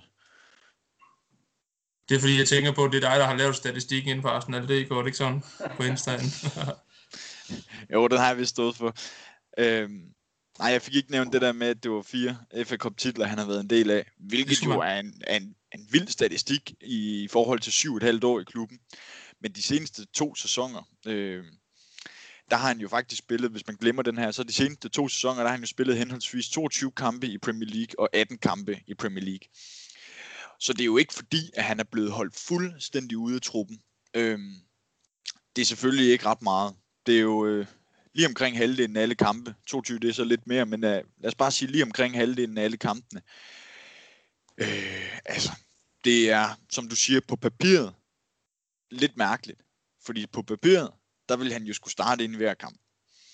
Og, og i Vingers sidste sæson, der, der tog man jo for givet, at han, han startede ind i hver kamp, fordi der gjorde han det jo godt. I samme øjeblik, han smutter, der går det sgu bare ned ad bakke for ham. Og det synes jeg også, man skal have med i, i beregningen. Og så er der alt det politiske, og du, du har jo ret i, at det, det lyder jo helt vildt mærkeligt, at han ikke engang er med i truppen. Fordi på papiret, der er han bedre end, end mange af dem, der er med i truppen. Så, så, så der er helt sikkert noget der, men, men min konklusion og, og mit budskab, det var bare, at man skal bare ikke, man skal bare ikke give ham den 100% kritik, fordi vi ved det ikke. Vi kan jo ikke, vi kan jo ikke være sikre på det som fan, så skal vi kun forholde os til det, der sker på banen. Og så må man tage udgangspunkt i, at der sidder nogle fornuftige og dygtige forretningsmænd øh, i toppen af Arsenal. Og det kan jo godt være, at de har haft, øh, de har haft indflydelse på det. Men de er jo heller ikke helt, de er jo ikke idioter, siden at de kan sidde i toppen af så stor en business som Arsenal. det burde de ikke være. Jeg tænker, der er nogle fans, der nogle gange har tænkt det her for det sidste måske. Men øh, er, der, er der flere pointer, vi skal have med omkring Øsel, øh, så, så skal det være noget, synes jeg, for så lukker vi ham ned, og øh, skal vel egentlig bare til sidst sige, sige tusind tak for alt, øh, som han har, han har bidraget med. Jeg har heldigvis nået at få ham på en trøje, og øh, det er i hvert fald en spiller, jeg vil se øh, tilbage på med, med store minder, og glad for at have set ham i aktion, og vil specielt huske ham for øh, hans vilde måde at lave afslutninger på. Øh, det her lop, han har skabt ved her, hvor man sparker ja, ned oven i bolden. Øhm, og, og bare altså, fuldstændig fremragende fod, fodboldspiller, hvor det desværre var en masse andre ting, der tog overskrifter i stedet for hans præstationer på banen. Er der noget, I vil byde ind med til sidst? omkring ja, nej, eller, ikke, eller er alt sagt? ikke andet end, at jeg håber, det er sidste gang, vi kommer til at snakke om ham på den her måde. Øh, fordi det, det har godt nok øh, stået på længe og, og været, ja, været, været rimelig trættende. Øh, man vil hellere snakke om ham for hans, for hans mange sidste hans lækre afleveringer, men, men det er så desværre blevet øh, kørt over på det her negative igennem det sidste lange stykke tid, så, så især af den grund er jeg glad for, at han, han nu ser ud til at være fortid. Ja, men jeg har det også, altså, aller sidste ting, fordi nu har vi snakket om ham i lang tid, og jeg har det med kørt min, øh, min stemme en del her på det seneste om ham. Men jeg ved, Malte, du er også stor fan af ham. Det er også, og, og, altså når jeg tænker tilbage, noget af det første, der popper frem i hovedet, det er, at det der mål, han laver i Champions League på udebane mod Ludogorets, tror jeg, jeg udtaler det korrekt det er jo fuldstændig fantastisk teknisk arbejde, hvor han lopper den over målmanden og sender de to forsvar til pølser, øh, eller ned til, sender ned for at hente pølser. Øhm, det, det er jo sådan noget, det er jo sådan noget, det kommer man jo ikke bare lige til at se igen. Det er en speciel støbning, eller en speciel type spiller, der kan det der, helt enig. Og så, hvis jeg bare peger på den trøje, der hænger bag, hvor det ikke øh, for sjov, jeg har hængt den op. Jeg har selvfølgelig også den møsel på. Den gule her, hans første sæson, altså når man ser billeder øh, med de her, også sokkerne til det sæt vanvittigt fede med gule og blå striber, altså der var han også bare vild. Altså, og det var jo en vanvittig signing i sin, så det skal vi også huske. Der, der springer Wenger jo banken for vanvittigt for første gang nogensinde i, i den tid, vi kan huske. Ja, altså, det, der det, står det, fans ude foran Emirates, som om vi har vundet et trofæ. Ja. Og han går ind i første kamp, hans første kamp for Arsenal, det var på udebane mod Newcastle. Vi vinder 1-0, hvor han øh, ude for venstrefront smækker et indlæg ind til Giroud. Og altså, det, man skal bare heller ikke glemme, at det er jo en, en verdensstjerne og egentlig et scoop, at vi får ham til, til at starte med. Og det, sådan følte jeg også, det var i langt de fleste sæsoner, øh, ja, langt de første sæsoner. Vi lukker Øsel der, og som sagt siger vi tak for alt, og god vind fremover. Så er det blevet et quiz-tid, øh, boys, og øh, ja. jeg har overtaget øh, æren som værende quizmaster. Og øh, måden det kommer til at foregå på, vi har kørt et hvem er jeg quiz og, og generelt nogle, nogle, nogle stats omkring uh, Arsenal-spillere og sådan lidt forskellige. Den her gang, der uh, spicer vi tingene lidt op. Jeg har sendt jer en, øh, en startopstilling på Facebook. Jeg tror, I har set den, I sidder med den. Og øh, det her, vi holder simpelthen til, til opgør mellem Arsenal og Newcastle. I hvert fald her igennem de seneste 10 år, hvor der er blevet præsteret nogle, nogle okay vilde resultater, de to hold imellem. Og den kamp, vi starter med, det er 4-4-kampen på St. James Park 5. februar 2011. Og I kan se, at jeg har øh, sat en boks hen over fire navne, og øh, I skal så gætte, hvilke fire spillere, der så har spillet på de her positioner. Så I skal fuldende startopstillingen. Og det er jo en klassisk Arsene Wenger 4-2-3-1. Og målmanden er dækket til, han kan vi ikke se. Så på højre bakke det Bakary Sanja. I midterforsvaret Johan Giroud. Så er der igen en ukendt. Og så er det på venstre bakke Gael Clichy. Så de to midtbanespillere, der er den ene Abu Dhabi. Og så er der igen en ukendt spiller, så på højre ving, der ligger Theo Walcott, og så ved siden af ham er der to spørgsmålstegn også, og så slutter vi af med Robin van Persie på toppen. Og reglerne er således, Jakob, du er gæst, så derfor får du lov at starte. Så du, øh, du gætter. Jeg tænker, I sådan har et par gæt øh, per spiller, så det vil sige, I har egentlig 8 gæt i alt. Og hvis du svarer forkert, så går den selvfølgelig over til Emil. Øh, og det gør den selvfølgelig også, hvis... Øh, altså, I skifter til at, at gætte. Det var egentlig det, jeg prøvede at sige. Ja.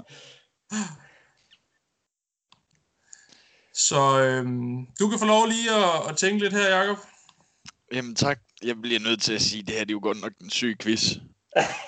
det her, det hvad jeg, hvad jeg lige synes, så er det godt nok den sværeste quiz, jeg har lavet i lang tid. Det er jeg glad for, fordi det er mig, der har overtaget rollen. Ja, præcis. Og ved du hvad, dengang du sagde, før du, øh, dengang du sagde Arsenal Newcastle 4-4, og jeg havde, ja, der havde vi jo set øh, navnene. Alle dem, jeg vil kunne huske, det er dem, du har skrevet ned her. altså, jeg kan ty- tydeligt huske Diaby, Walcott, Sagnaggio, Roclichy og Van Persie. Øj, jeg kommer i problemer med de næste. Så jeg har, jeg har dækket de helt rigtige til, mener du? Ja, men lad os starte med den første. Det må være, det må være Chesney på målet. Den har øh, du fuldstændig ret i, og det er selvfølgelig den med flest øh, gæt øh, rigtige, som, som vinder, og så, øh, så har du allerede et point, Jacob, så går den videre til Emil, der må gætte på den næste. Det er også Men uh, Wojciech uh, Chesney er rigtig. Jamen så, øh, så gætter jeg på, at Joros marker i midterforsvaret, det var Koscielny.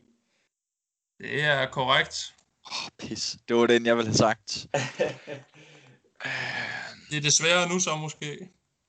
Det tror jeg. Ja, nu begynder det at blive svært. Åh, hvem havde de Walcott i midten ved siden af ham? Øh... Hvem havde vi Der må, på altså, I skal ikke følge presset, der må gerne uh, tænkes lidt. Så det gør jo ikke noget, at vi sidder, at vi kommer med svar efter, efter to sekunder. Øh, var Flamini en del af, af, del af holdet i 2000? Hvad var det? 10-11 sæsonen? Det var 10-11 sæsonen, det her, ja. Ved du hvad? Kamp, kampen blev spillet kl. 16, hvis jeg skal hjælpe med at trække uh, tiden lidt ud. Det er 26. spillerunde. Dommer er filled out. Ja, og øh, vi fik rødt kort. Er det Ja. ikke rigtigt? Er Tiv- virkelig gået direkte rødt.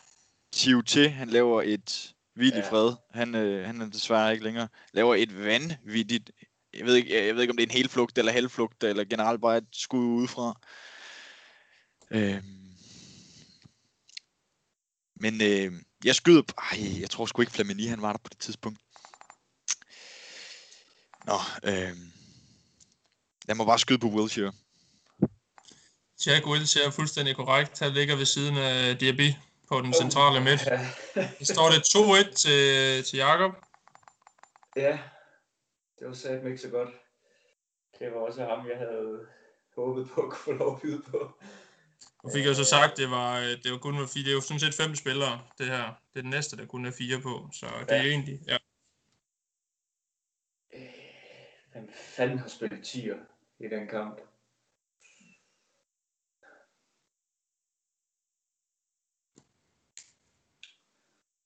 Kunne det have Ramsey?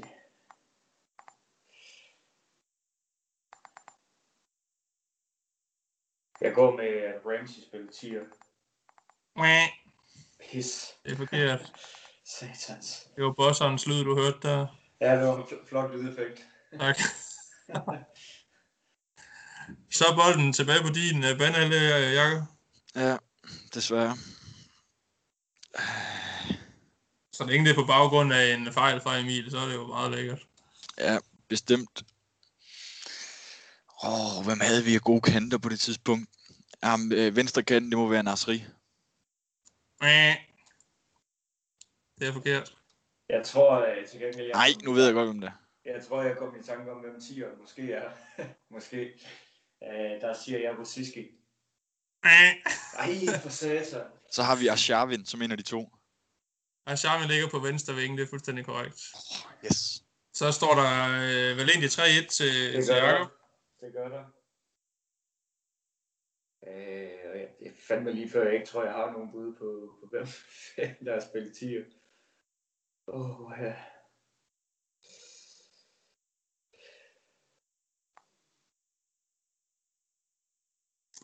Man må gerne tænke lidt i årstal her. Ja, Den er spillet i 2011. ja. Og det er jo i februar, så det er lige før et transfervindue. Og lige efter. Ja, men, det er, lige- altså, ja, men den spiller, jeg mener, er, er der stadigvæk efter det transfervindue jo, så, men ikke Så efter. siger, Fa- så siger Fabregas. Ja, det var for nemt. Men der står 3-2, boys. ja, Det kom I da egentlig okay ud af. Og beklager, Jacob, jeg fik hjælp, øh, hjulpet Emil lidt for meget der, men øh, Jamen, jeg regner med, at du hjælper mig næste Vi, kamp. vi, vi kunne ikke have, at øh, der skulle være alt for stor forskel. Nu har jeg sendt øh, den anden til jer, og det er selvfølgelig også en, øh, en Newcastle-kamp mod Arsenal. Nu, hvis I bare ser opstillingen, har I så et bud på, hvad resultatet af den her kamp det er? Ja, 7-2 på hjemmebane. 7-3. 7-3. 7-3. Lige 7-3. ja. præcis. Aarhus mod Newcastle 29. december 2012. Og det er så fire spillere, vi skal have her. Og der står 3-2 til Jakob. Og øh, jeg ved sgu ikke, om vi er nødt til at skal lade Emil starte nu, hvor du fik lov før. Men det er... Ej, jeg vurderer, det er min tur. Emil, han har lige skudt. Ja, det synes jeg er fair nok. Var du, stå, var du øh, godhjertet, Emil? Nej, øh, Og det er lige sådan, at lytterne lige er med, så, øh, så det I kan se, der har vi Wojciech Szczesny for mål. Vi har igen Bakary Sanja på højre bak. Så øh, ved siden af ham, højre midtstopper, den er, øh, det er et spørgsmålstegn. Så ligger Thomas Vermaelen ved siden af. Og på venstre bak er det Kieran Gibbs. Så har vi igen Wilshere på den centrale midt, ved siden af en ukendt spiller. Højre ving er dækket til. Så har vi Santi Cazorla som 10 og Lukas Podolski på venstre kant. Og så skal, vi, så skal I finde en, en angriber også. Så det er fire spillere, og øh, bolden ligger på Jakobs banehalvdel. Værsgo. Hvornår sagde du, hvornår var det, den blev spillet? Var det i 13? Nej, det var den 29. december 2012 kl. 18.30. Og nu 20. ved jeg det godt, siden at du skriver klokken. Øhm, nej, det er, jo, det er jo den famøse kamp, hvor vi har, øh, hvor Walcotts kontrakt, den udløber til sommeren, og han er, øh, han er sur på Vinger over, han gerne vil spille angriber, og Vinger han spiller ham som kant. Og så går han ind i den kamp og laver hat hvor han blandt andet laver et vanvittigt driblemål fra baglinjen, hvor han glider og fortsætter dribleturen, og så lopper han den over keeperen. Så, som er keeperen af Team Krul. Så øh, Walcott er den første. Det er fuldstændig korrekt. Det er Walcott, der ligger øh, som, øh, som angriber. Men det er egentlig imponerende, du husker det så godt, Jakob, for du kan ikke have været sådan vanvittig gammel på det her tidspunkt. 2012. Jeg var lige fyldt 12 år på det tidspunkt. Ja. Men du er selvfølgelig også blevet tvunget til at se Arsenal-kampe hele livet, så det, det er smukt.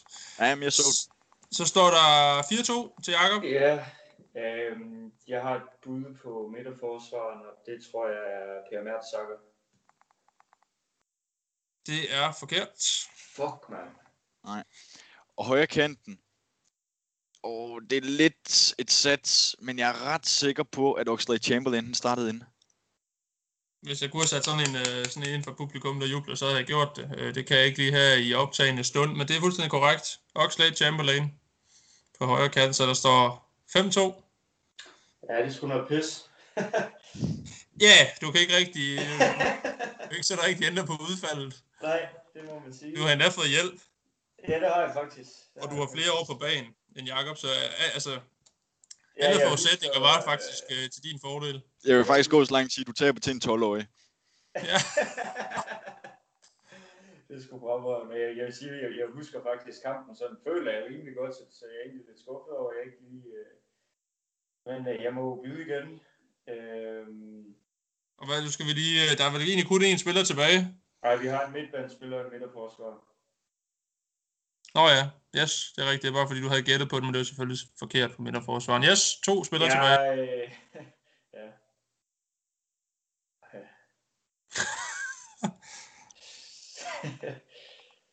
Så går jeg med en, en ny midterforsvar, der siger Koscielny. jeg skulle til at sige, altså der er jo ikke så mange flere at tage af, som, øh, som vi har snakket om omkring Newcastle-kampen, så er det et luksusproblem. Det havde vi sgu ikke dengang. Det er nemlig Laurent Koscielny ved siden af Vermaelen. 3-5. Ja. Og for satan, den sidste.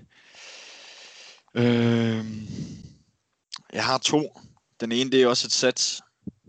Øh, men jeg har sgu vundet, så jeg kan lige så godt sats. øhm, så jeg går med... Jeg er lidt i tvivl, om han var- om han var blevet solgt på det tidspunkt, men jeg går sgu med Alex Song. Det er forkert. Var han blevet solgt på det tidspunkt? Til Barcelona? Det kan jeg ikke lige huske.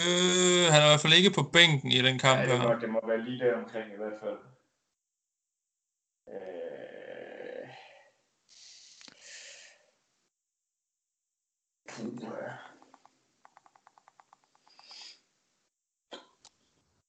Jeg siger sgu, øh, jeg siger sgu Aaron Ramsey. Han var på bænken. Ja. Mm. Så det er et æh. en æh. Åh, oh, bum, bum, bum, bum. Nu synes jeg, det bliver svært.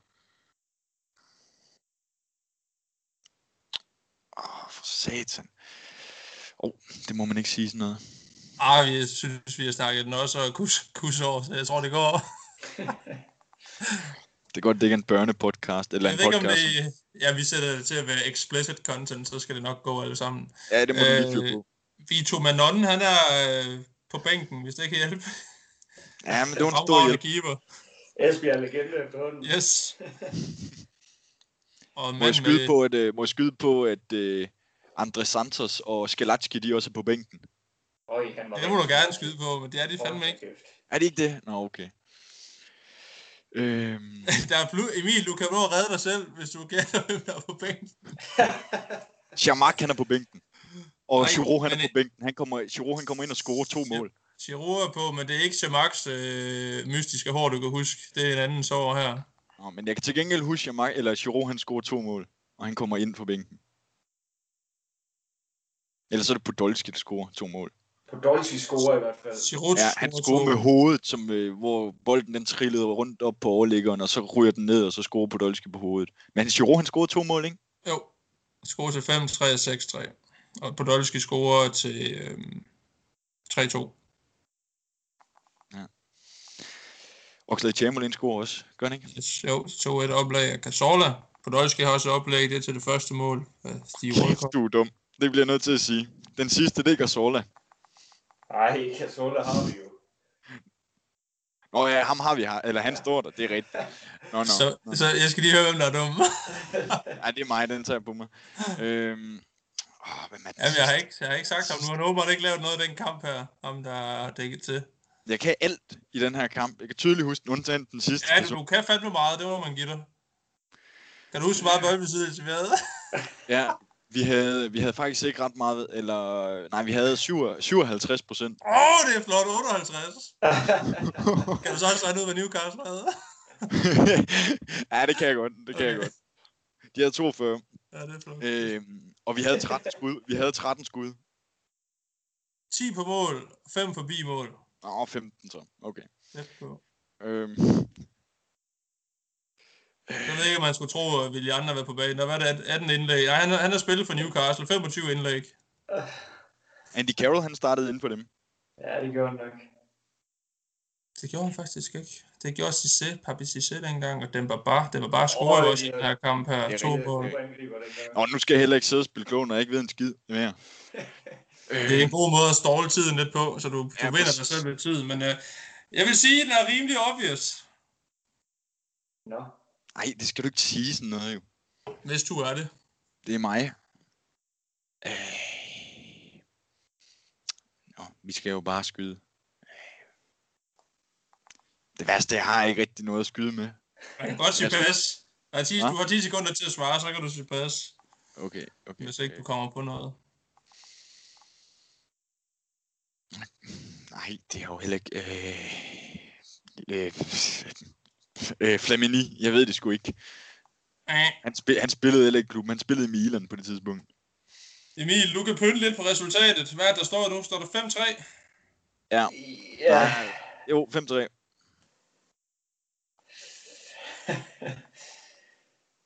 Uh, ja.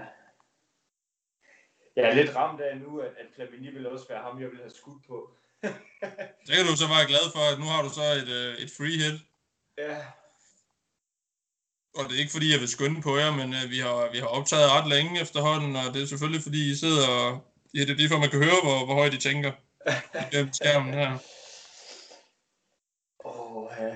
Det eneste positive, det er, at I giver lytterne rigtig, rigtig god betingningstid også til at komme i tanke om, hvem det kunne være. Det synes jeg egentlig er meget pænt af jer. Ja, Ej, jeg vil sige, jeg føler mig dum lige nu. Jeg føler mig dum lige nu. Og det er også nemmere at sidde på den her side af det, skulle jeg lige hilse at sige. Den har jeg godt nok svært ved, jeg, jeg, har, jeg har svært ved overhovedet at komme med noget bud. Hvorfor kan jeg simpelthen... Hvorfor... Hvornår har Ej. du sagde, at kampen var spillet? Det er, simpelthen, det er komisk det her. Det var igen 29. december 2012, 18.30, 20. spillerunde, Chris Foy som dommer. Det er på Emirates Stadium. 60.087 personer til stede. Altså, hvor meget, hvor meget vil hjælpe jer? Vi spiller land, det er England, og status det er, kampen er færdigspillet. Jeg synes, du giver en stor hjælp ved at fortælle, hvor mange øh, tilskuere der var. Nej, det. Arsenal har to offside til kampen, og syv frisparker, tre indkast og fem hjørnespark. Altså, kom nu lidt. Ja. Jeg har simpelthen ikke noget bud. Jeg, Det er øh, Simpelthen for vildt. jeg, Kæft, siger, jeg kok, jeg siger kokkelang. Kokkeland, Kokkeland er på bænken. ja, det er ikke ham. Åh, giv mig, giv mig halvandet minut. Og kæft, det er længe. Hvad skal vi snakke om de halvanden minut, Emil? I Øsel brugte vi lang tid. I må nok godt kunne finde på halvanden minut med sammen. Ej, vi har lukket om. øh, åh,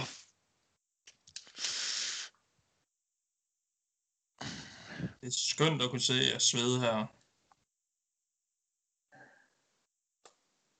Skal I, skal I have hjælp ved at... Øh, nu, nu, okay, jeg lister bænken op, og så er det bare den af jer, der først svarer. Så kan I i hvert fald bruge noget udelukkelsesmetode via det måske. Jeg ved, ja. I har måske egentlig, egentlig gættet på dem, øh, men altså Rosiski er på en del af bænken. Giroud er en del af bænken. Ramsey er en del af bænken. Johan Giroud er en del af bænken. Francis Coquelin er en del af bænken. Vito Manon. Og så er Chavinho en del af bænken. Så kan man sige, så har vi brugt udelukkelsesmetoden øh, godt og grundigt efterhånden. Jeg skal ikke lige kunne sige, hvem der er reserve i den kamp her, men der er i hvert fald en, jeg vil mene er rimelig obvious, som I har glemt. Især Manon er jeg glad for, at vi lige fik udelukket. Ja. til, til en center midt. Ja, Nå. Hvem kan vi huske, der har spillet center midt i øh, de tidlige 10'ere? der er jo Diaby, der er Fabregas, som egentlig nok lå lidt foran. Der er Flamini, der er øh, Jack Wilshere, som allerede står der. Øh, der er Ramsey, som også har stået, spillet lidt bagved. Øh, Og husk det, det er bare den, der først siger det. der er Alex Song. Øh, der er Coquelin, men han var på bænken. Øh, Ja, Fabregas på det tidspunkt, der var han også solgt. der var han også solgt, ja. Øh, der er...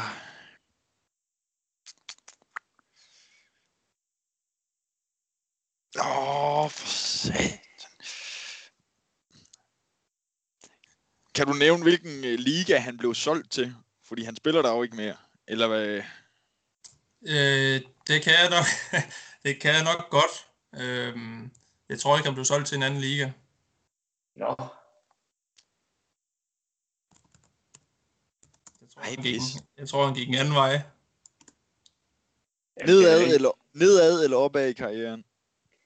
Og det er som man ser, at han gik en anden vej. Altså, Skiftede, vel, han, skiftede det er vel han ikke- til City? det er vel ikke Nasri? Ja, han skiftede til City. Så vidt jeg lige husker. Så vidt du husker. Hvem er det, vi har solgt til City? Der Nej, har vi han, solgt, han, han, han, vi har han, solgt- han skiftede til City. vi har solgt Adebayor, vi har solgt Okay. uh, Sagna, vi har solgt Nasri til City. Og kliché. Og Cliché har vi solgt til City. Jamen, der er så, halvdelen af dem er sikkert gået gratis, hvis ikke dem alle.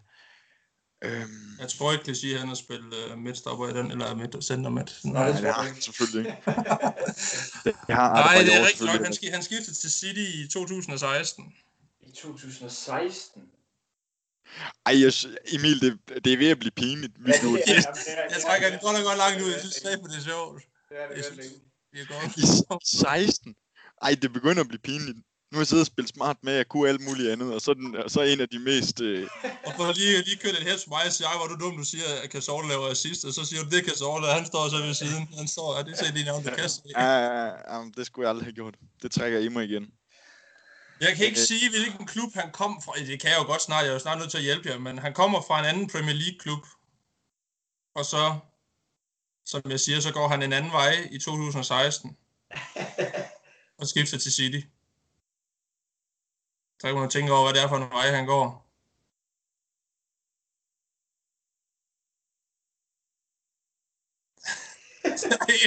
okay, det kunne være sjovt, hvis folk lige kunne se det her Skype-billede, fordi det, jeg, jeg synes, det er rimelig åbenlyst, at der, sker, der er ingen reaktioner hen på de to. Øh, Jamen prøv at høre, der er jo ikke nogen lyttere, når de kommer til det her, fordi folk de er taget ud efter de første stod 5 ikke. minutter. Så.